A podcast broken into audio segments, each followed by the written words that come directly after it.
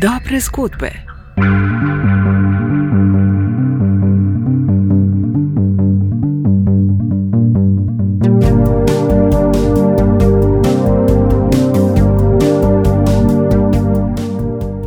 Dobro jutro, dober dan, dober večer, dobrodošli v dobrih zgodbah, pogovorih o knjigah z ljudmi, ki imajo radi dobre zgodbe.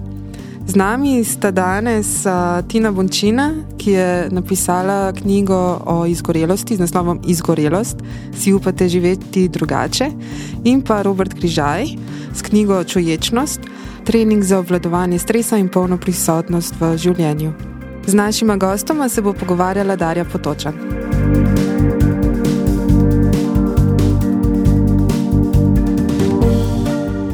Tokrat lahko začnem tako, da rečem, Tina, lepo pozdravljeni najprej vam.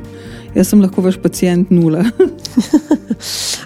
hvala lepa za zaupanje in hvala za vabilo. Ja, res pa je tudi, da je tudi Robert z nami. Robert, lepo pozdravljeni. Pozdravljeni, živo. In tale globok glas bo odmeval tudi skozi ta naš pogovor. Uh, živa, seveda, z nami kot vedno. Bomo skušali tokrat tudi klepetati o tem, kar nas muči v življenju. In kot sem rekla, torej, um, Tina Bončina. Uh, V tem trenutku se mi zdi, da skoraj da vsakega, s katerim se pogovarjam, prej ali slej, naleti na to, da mi reče: Veš kaj, res nisem dobro. Ne? Prvi odziv je vedno super, je v redu, krasno, vsi smo krasno, ampak ko pa nekako s pogovorom zapeleš malo dlje, pa prihaja na vrsto kar veliko obremenitev, veliko stisk, od marsikoga slišiš zgodbe o tem, da ne zmore več. In ne vem, je ta. Izgorelost, o kateri ste vi napisali, tudi izjemno dobro sprejeto knjigo, res zgodba tega časa?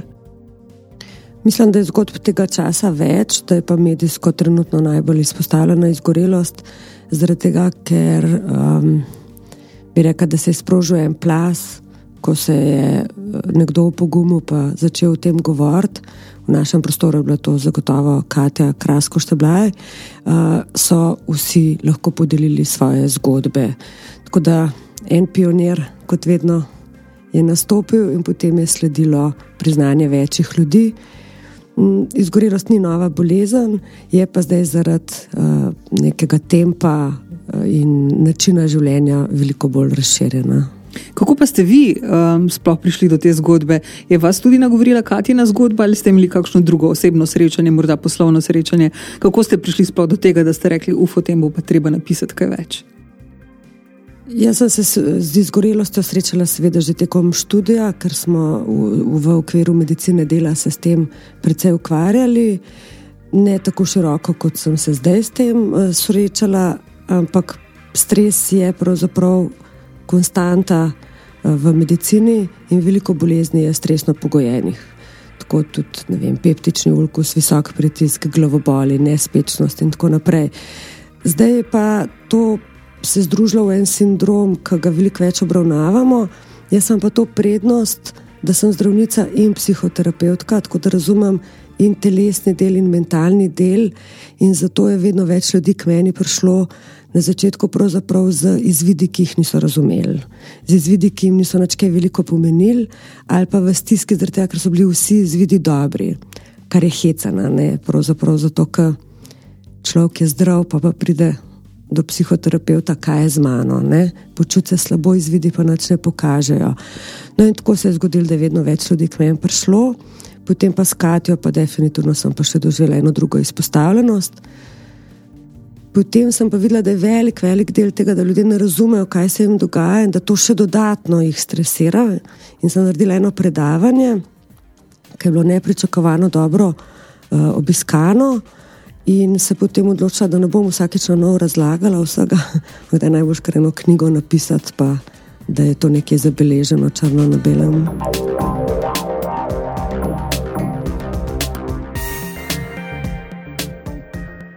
In ta knjiga je um, išla v zbirki Most, mimo grede, to je zdaj ena tako zanimiva zbirka, tudi zelo dobro oblikovana. Um, Res mi je bilo zanimivo, ko sem jo vzela v roke, ni bila napisana na način prve žoge.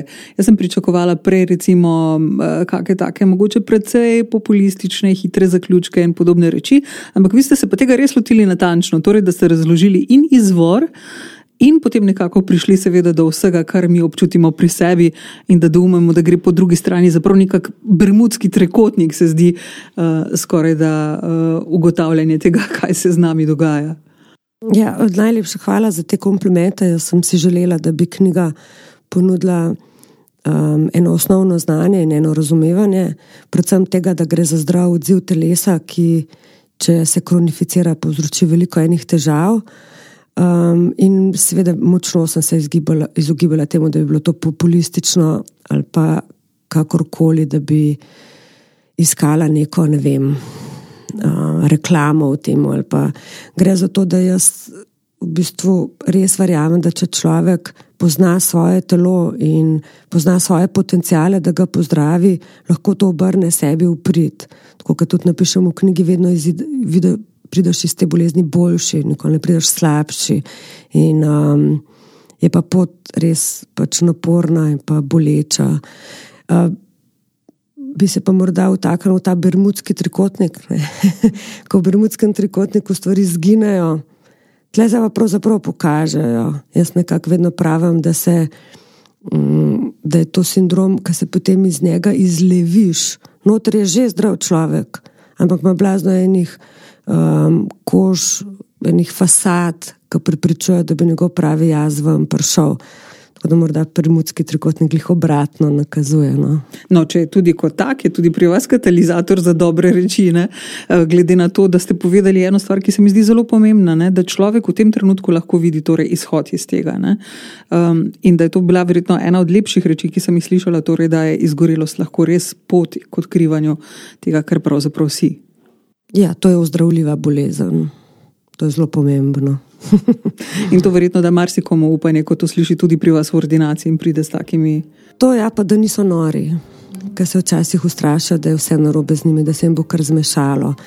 Pa um, je treba kar predvsej bolj se potruditi, da se jim zmeša.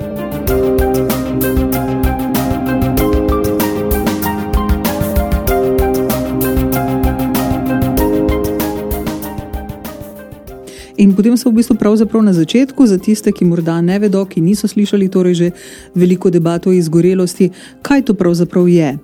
Stres poznamo vsi, ne? ampak stres je lahko tudi pozitiven, smo slišali večkrat. Kaj pa je pravzaprav izgorelost?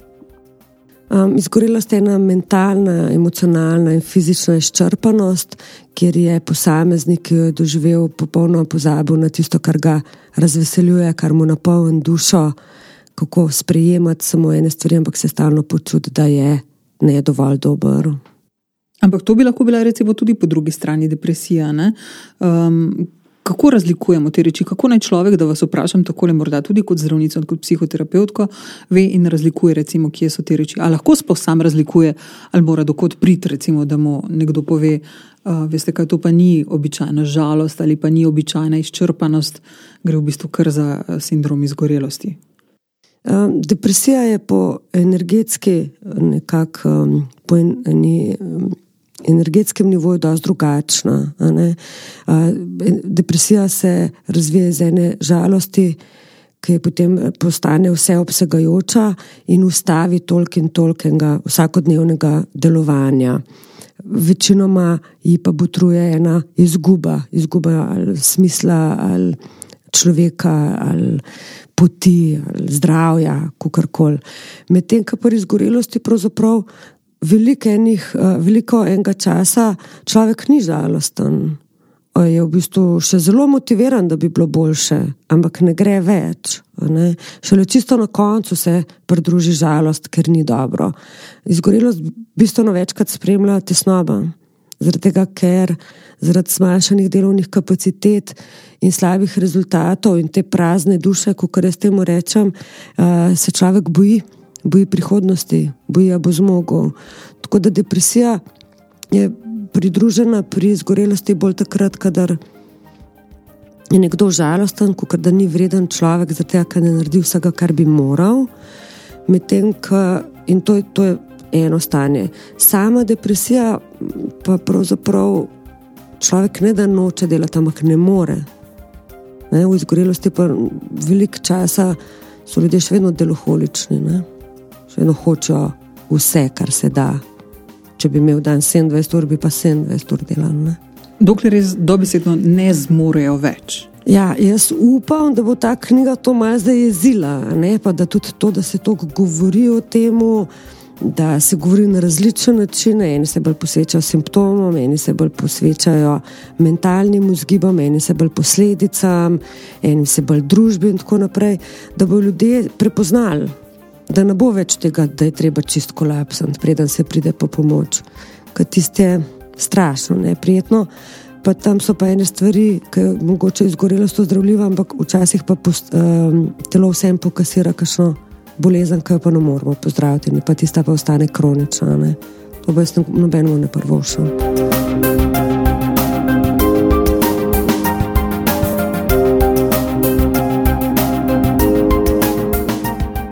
V sami knjigi pa ste tudi že na začetku precej dobro razčistili z miti. Um, dosti krat se srečujemo recimo, s tem, in marsikdo, ko sliši izgorelost, jo sliši mimo grede in pravi, da ja, se to se zgodi samo deloholikom.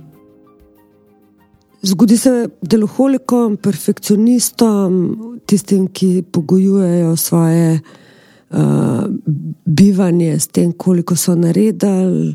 Uh, zgodi se ljudem, ki pozabijo na vse, ki ne znajo reči ne ki se razdajajo. Lahko tudi ljudem, ki niso v službi. Ne? Seveda, um, ljudem, ki niso v službi, kaj, kaj to pomeni, da, da so samo zaposleni. Ah, to je sploh posebna kategorija, okay. se mi zdi, o kateri lahko govorijo. Mislite, recimo, ena mama s petimi otroki, Tako. pa z bolno mamo, pa s celo hišo? Tako. Ja, da se izgoreti. Seveda.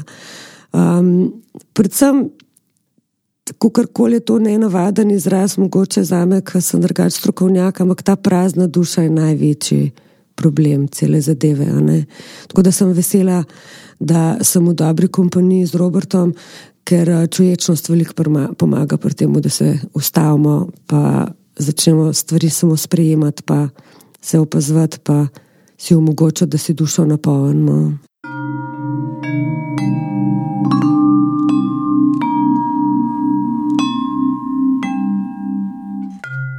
In Roberta lahko kar povabiva k temu. Um, Robert Križaj, vi ste tudi uh, strokovnjak z tega področja, bomo rekli, tudi eden od začetnikov v bistvu čuječnosti pri nas, takrat, ko še tudi ni bila moderna, ne? ko se praktično takrat se uporabljal še vedno izraz samo mindfulness. Kako mlad je ta izraz čuječnost? Ja, kar je meni znano, recimo nekih 15 let, ko je prvi, po mojem, prvi članek, uh, ki je besedo mindfulness prevedel v čuječnost, šel nekega psihologa. Uh, in potem nekako se ta beseda obdržala, bili so neki poskusi iskanja boljše besede, pa mislim, da je potem so zaključili, da je to čisto v redu. Predtem mislim, da je Primoš Pečenka pisal o pozornosti, oziroma se je prevajala še tudi za tem kot pozornost, um, kjer je mogoče malo oži pojem, človečnost pa po mojem ravno zaradi svoje arhajičnosti ali pa neuporabljenosti v vsakdanjiku je, po mojem, se parela tudi zaradi tega. In zdaj je čuječnost tudi beseda, ki jo veliko krat slišimo, ravno tako kot izgorelo, se zdi, da je tudi v psihologiji postala tudi izjemno moderna, nekako se postavlja v različnih oblikah, eh, v različnih možnostih, ampak po mnogih dognanjih, eh, po mnogih raziskavah je pa tudi izjemno učinkovita. Ehm, glede na to, da se vi ukvarjate tako z jogo, da ste izhajali iz tega stališča in prišli do čuječnosti, pa morda najprej razloživa razliko med enim in med drugim in poveva, kaj čuječnost. Med jogo in čuječnostjo, mislim. Tako. tako ja. Torej, ko sem jaz vadil, jaz sem vadil meditacijo, ne, v bistvu budistično meditacijo, preden se je začel govoriti o človečnosti, oziroma vsaj pri nas. No. Um, in uh, človečnost vidim kot nek uh, sekularen pojem, in tudi se je rešila zaradi nekega programa, ki je bil trening človečnosti ali pa mindfulness-based stress reduction, um, ki je dejansko oklestil prakso meditacije, budistične terminologije. Ne? Zato je potem zdaj nekako bilo to kar nekako ločeno, ampak hkrati je to meni pomenilo veliko, nekaj, kar je veliko bliže uh, vsakdanjemu, uh, vsakdanjiku in vsakdanjemu uh, človeku, ki ga recimo mogoče neka budistična budo učenje ne zanima. Ali pa zahodnjaku nasploh, ne? No, absolutno, ja, ja seveda. Um, se pravi, tukaj je bilo, po mojem, narejeno tukaj občudujem, v bistvu, kako je John Kabat-Zinn, ki je ta program 40 let nazaj osnoval, uspel nekako to znanje predstaviti na zahodnjaku uh, ustrezen način in se mi zdi tudi edino smiselno, da je to naredil zahodnjaka, ne? ker je bilo poln, um, polno učiteljev iz vzhoda, ki pa niso razumeli naše kulture ne, dovolj dobro, razen tisti, ki so živeli malo dlje, tisti so znali kako povzeti in nam razložiti na drugačen način. Sicer pa je bilo polno nekih žargonskih besed, ki se niti prevad niso dale v, v angliščino, recimo. Ne. In uh, zaradi tega tudi mogoče ni bilo tok, uh, take razširjenosti, ni prišlo do take razširjenosti. Zdaj, kar se joge tiče, je, uh, jaz ne gledam jogo, ki jo vadim in poučujem zdaj. Ne vidim uh, dejansko dosta različno kot uh, samo človečnost, se pravi, se mi zdi to, to kar jaz delam, človečnostna praksa.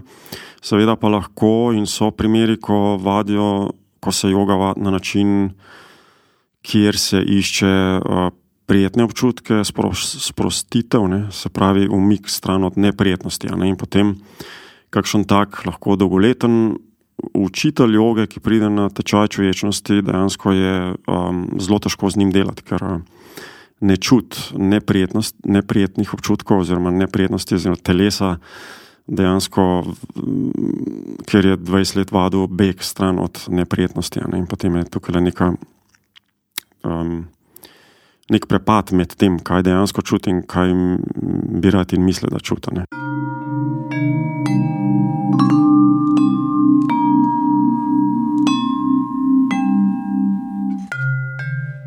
Tu pa moramo vklopiti zraven še Tino, ker se mi zdi, da je primerna tema. Ne? Dosti krat namreč bežimo od nekih neprijetnih občutkov in od tega, a je to pomemben del zgodbe. Torej, da vendarle v tem svetu, ki tako teži k pozitivnosti in ki sprejema samo pozitivnost v vse čas, vendarle priznavamo tudi našo drugo plat, recimo, in pa se zavedamo tudi kakšnih drugih reči in pa drugih čustev. Družba je trenutno precej organizirana oziroma usmerjena na to, da bi bilo čim več zadovoljstva in, in da bi bili vsi nasmejani, srečni. Uh, in smo pozabili sprejemati neprijetna čustva. Se mi pa zdi, da morda je to bolj mm, v drugo smer tukaj, morda mi še. Ker se nam nekaj neprijetnega zgodi, ne gre samo za to, da ne znamo sprejeti tega v tem trenutku, ampak da si konstantno rišemo najbolj črne scenarije. Se pravi, vedno je od ene, enega dogodka, ki se zgodi, možno kar ne par izidov, kako se lahko stvari razpletajo. Ampak ljudje, ki so v stiski, si od vseh teh možnosti izberejo najslabšo in se ukvarjajo samo z njo. In iz tle pride pač pol bolezen. Ne? ne samo od tega, da nekaj neprijetnega začutimo, ampak da se potem še, rekel, malo povalamo v tem notranje in da nimamo teh nekih osnovnih mehanizmov, kako lahko zagledamo še ostale scenarije. In tukaj pa čuječnost vendarle pride prav, ja, ne čuječnost. Um, tudi v tej knjigi, ki je tule zdaj tudi pred nami, je v tej isti zbirki šla. Uh, se mi zdi dobro to, da je res namenjena ne zgolj kot zgodba o čuječnosti, ampak da gre praktično za aktiven program. Kako v bistvu um, sploh izgleda čuječnost? Kaj je čuječnost? Torej, ne vem, na kratko, če mi opišete, kaj naredi, kaj spremeni, kako izgleda in ali se lahko nauči vsak človek. Torej, zdaj, če govorimo o čuječnosti kot praksi, pa o čuječnosti kot uh, neki sposobnosti, ki jo ima vsak za posvečati namensko posvečanje pozornosti, brez presojanja v sedanjem trenutku.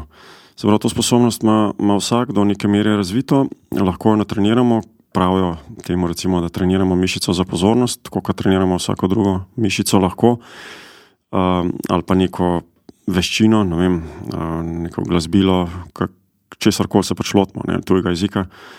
In terja ravno toliko časa, tudi, ne? torej nekega vložka energije in časa.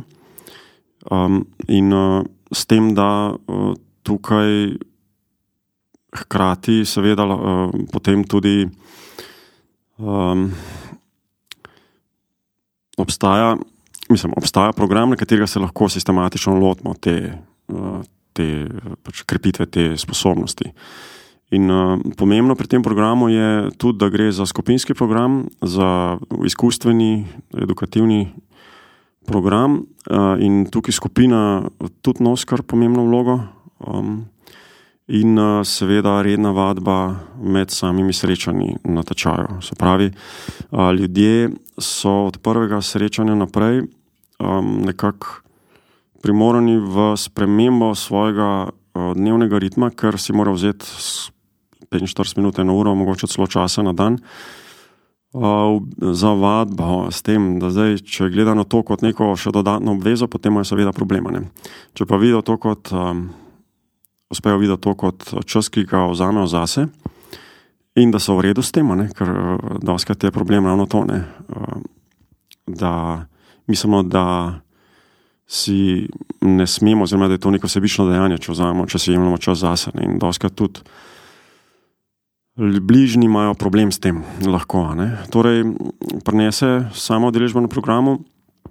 Mm, mora prinesti neko spremembo v samem, sami dnevni rutini. In to se potem odraža tudi na, na učinkih oziroma na življenju posameznika, ki se odeleži programa.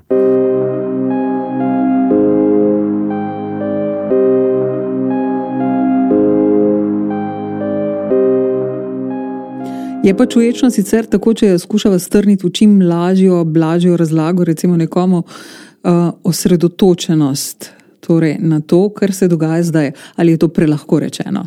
No, tako kot sem prej rekel, bi bilo ena razlaga, ki bi lahko bila zavedanje. V bistvu enačimo to, tudi John Kabat-Zinn enač, v bistvu mindfulness z awarenessom. Ampak gre za zavedanje, ki vznikne njegova definicija. Ko na poseben način posvečamo pozornost, torej namenoma v sedanji trenutek in brez presojno, oziroma bi lahko širše rekli, z radovednostjo, sprejemanjem, prijaznostjo, naklonjenostjo. In kakšne učinke to potem povzroča, kaj spremeni v nas? Spremeni odnos do posameznega trenutka in do samih sebe in do drugih posledično, če res na ta način uh, posvečamo pozornost. Ne? Ne vem, morda ti na tu pri tem, če bi se pač roječnosti lotili na način deloholika, verjetno tudi ne bi bilo dobro. Tako da je verjetno pri vsaki stvari potrebno, da se lotevamo bolj sproščeno, morda manj zahtevno do sebe. Morda bi se jaz navezala na to, kar je Robert rekel, kaj prinese, da prinese celo eno radovednost. To se mi zdi krasen izraz. To je tudi nekaj, kar mm, jaz delam s svojimi klienti v psihoterapiji. recimo, uh, ena izmed glavnih pomankljivosti, ki jo moji klienti pri sebi opazujejo, da ne znajo reči ne. Se pravi, da vsako prošlo, ki jo dobijo, ali pa um, vsak kontakt, ki ga imajo, oni začutijo kot neko dolžnost, da nekaj naredijo. Ko pa se zazrejo na ta čuječ način, ali pa, pa če so malo druge metode, ampak zelo podobno, um, v bistvu morajo pogledati ene situacije na not, ker mi gledamo z možgani in, in ne z očmi. Pa včasih potem lahko, ker ni tega, ni sodbe, je samo sprejemanje, lahko vidijo, da pravzaprav te ljudje, ki pridejo z njimi do njih z eno zagato, ne pričakujejo, da jim bojo oni to rešili. Ampak pričakujejo morda samo da jih poslušajo, ali pa sam na svet, ali pa je prišel z eno močno energijo jeze in nezadovoljstva in nič noče, hoče sam podeliti. In to je tisto, kar prenese ta način uh, obravnave pa gledanja. Da pa ne nadoma ni več dolžnosti, ker dolžnost potem nasili v akcijo, ampak lahko samo smo. Ne? To je pa veliko bolj sproščujoče, pa energetsko veliko manj potratno.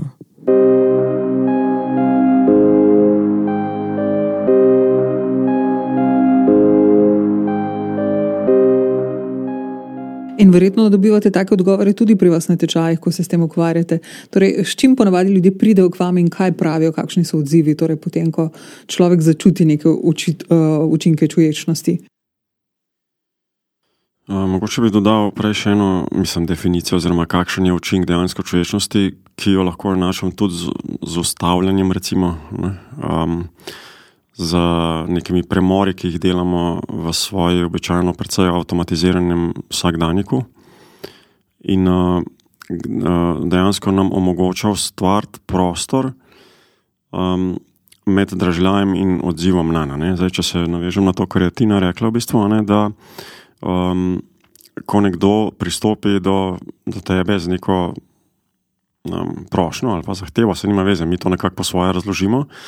Uh, pomeni, da lahko, če vadimo človečnost, ne, smo sposobni takrat počakati, ohranjati neko mirnost recimo, in skušati na, na, oziroma si dati čas in prostor, da ali se pozanimamo, zakaj sploh gre v bistvu, ne, oziroma imamo na voljo, ne padamo tako v nek vzorc, da moramo, ki smo ga vajeni iz preteklosti, običajno, da moramo zdaj nekomu nekaj ustrežiti, ne, da je nekdo prišel po nekaj, kar mu moramo dati, moramo ne, dati, recimo. Ampak imamo izbiro, na izbiro, kako se bomo odzvali, in tudi potem uh, zavestno izberemo odziv, ne, kar lahko pomeni, da uh, lahko bi tudi zavestno šli čez svojo mejo, ne, ampak vemo, da smo šli in zakaj smo šli, če se nam to zdi v tistem trenutku, recimo, pomembno. Um, ljudje pa sicer prihajajo, uh, ker čutijo posledice stresa, oziroma se jim že razvija simptomatika. Tudi taki, ki so, um, pač imajo izkušnjo z izgorelostjo, se počasi vračajo v normalen uh, življenjski ritem in delovni ritem. In uh, so, kot je rekla Tina, dejansko jim je bolezen, tako kot mislim, da dejansko vsaka bolezen, verjetno ti hoče nekaj povedati, oziroma uh, nas, nas um, s tem, da je zgorelost zelo radikalno, kot jaz to vidim, uh, nas ustavi in uh, ni več um, nekih. Um, drugih možnosti, kot da se dejansko ustavimo in pogledamo, kaj se nam dogaja in kaj delamo na robi, da je prišlo do tega. Ne. Tako da ljudje mm, vidijo, da um, je, oziroma tudi imajo željo prevzeti malo nadzor nad svojim uh, življenjem in zdravjem.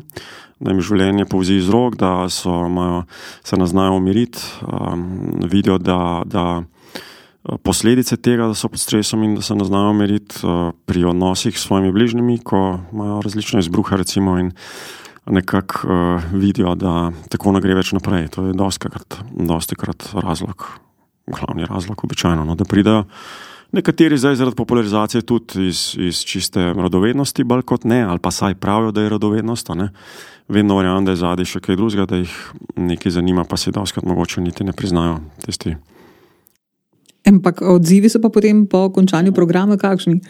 Ja, odzivi so že med programom, običajno govorijo o, o izboljšanju odnosov, o tem, da tiste majhne, majhne stvari, zaradi katerih so recimo, se sekirali, se nehajo zaradi njih sekirati.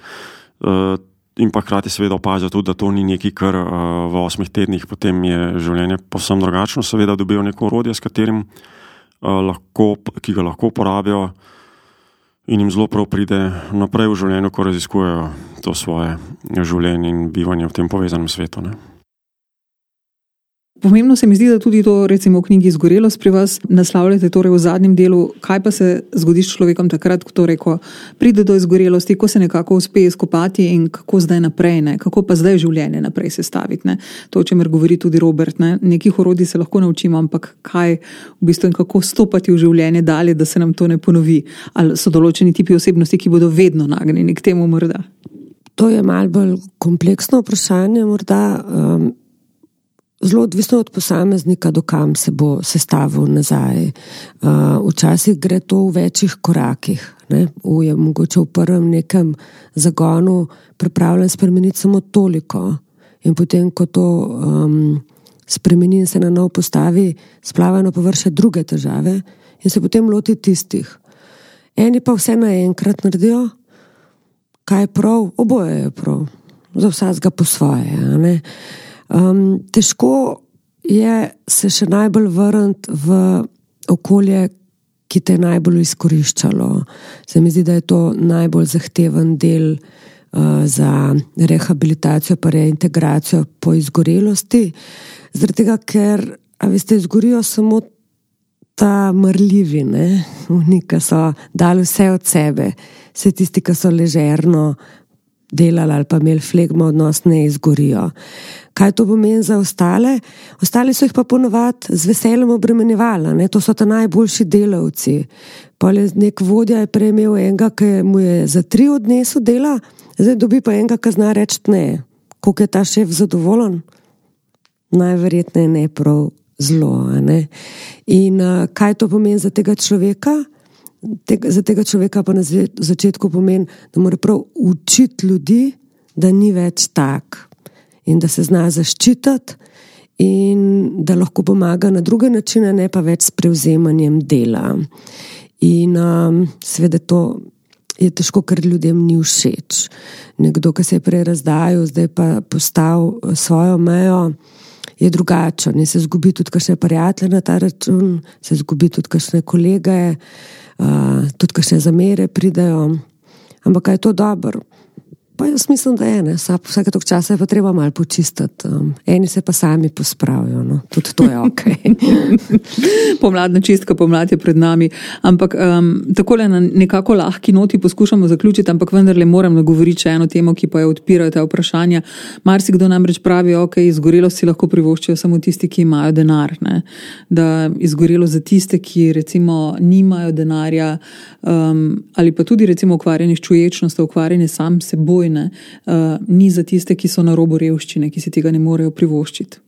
Ja, jaz tle vedno poudarjam tudi družbeno odgovornost. Um, v družbi so se vrednote spremenile in uh, pravzaprav je človek zaposlen, je rado dobrina, izkorišča se ga vse v neki funkciji profita um, in to dolgo časa ne bo zdržalo ob tem, da, je, da smo stalno dosegljivi, izpostavljeni gori informacij, ki niso vse relevantne za nas, da ne učimo novih generacij posortirati med tem, kaj je ok, pa kaj ni ok.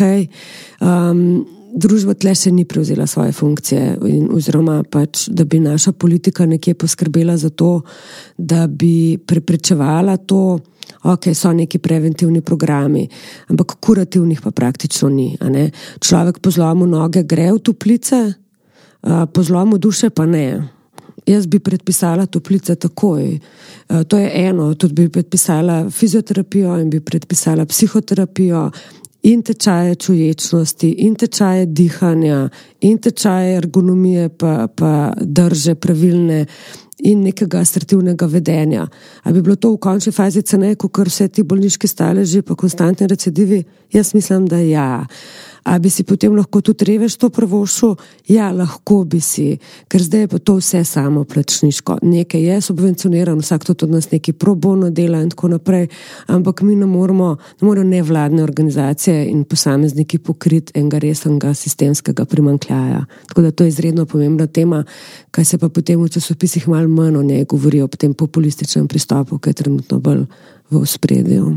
Tako da čuječnost tudi ni samo postopek pasivizacije, kot marsikdo učita, da pri tem se človek pomakne vase in pozabi na družbeno aktivacijo, na to, da je pomembno, da tudi ne samo, seveda, smo na tak način aktivni, ampak da tudi skušamo spremeniti tisto, kar je konec koncev narobe, kar ste rekli, ste tudi sami.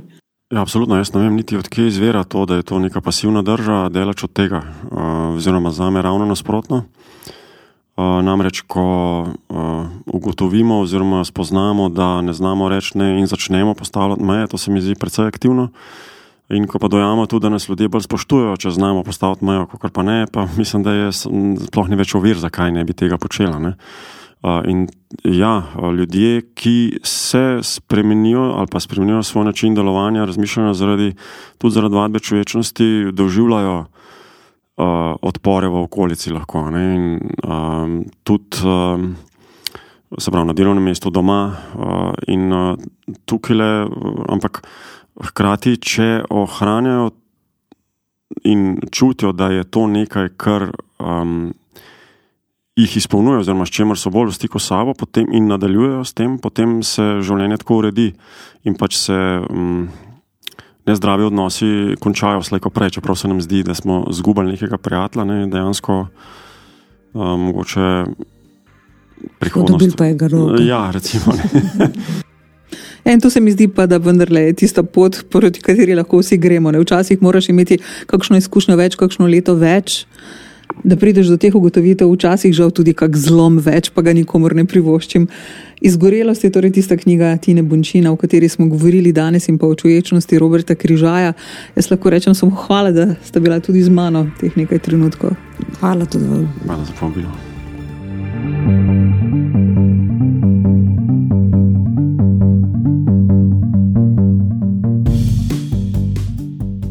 Danes smo se pogovarjali predvsem o dveh knjigah: o knjigi Tine Bončina Izgorelost in knjigi Roberta Križaja Čuječnost. Obe knjigi sta na voljo na Emki in vseh knjigarnah mladinske knjige, v katerih najdete tudi druge priročnike, ki vam pomagajo živeti bolje. Pogovorom o dobrih zgodbah se lahko pridružite tudi vi na Twitterju, na Facebooku in na Instagramu nas najdete pod imenom Mladinska knjiga. Se beremo, čau!